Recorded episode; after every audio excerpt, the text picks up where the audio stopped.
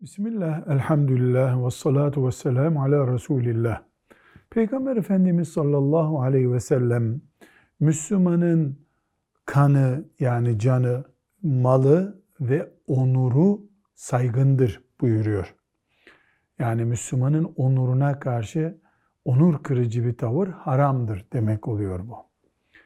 Peki günahkar Müslümanın onuru da korunmuş saygın bir onur mudur? Mesela yalan konuşan, mesela tesettüre uymayan, mesela namaz kılmayan cevap olarak diyoruz ki Müslümanlık bir çatının adıdır. O çatının altındaki bütün Müslümanlar için can, mal ve onur güvencesi vardır. Bir kulun günahından dolayı diğer kullar onun onurunu yok kabul edemezler. Çıplak kadındır ayrı bir mesele. Ama bu insan o işlediği günah türüyle Müslümanlara zarar veriyorsa o konuşulur, kınanır ayrı bir mesele. Velhamdülillahi Rabbil Alemin.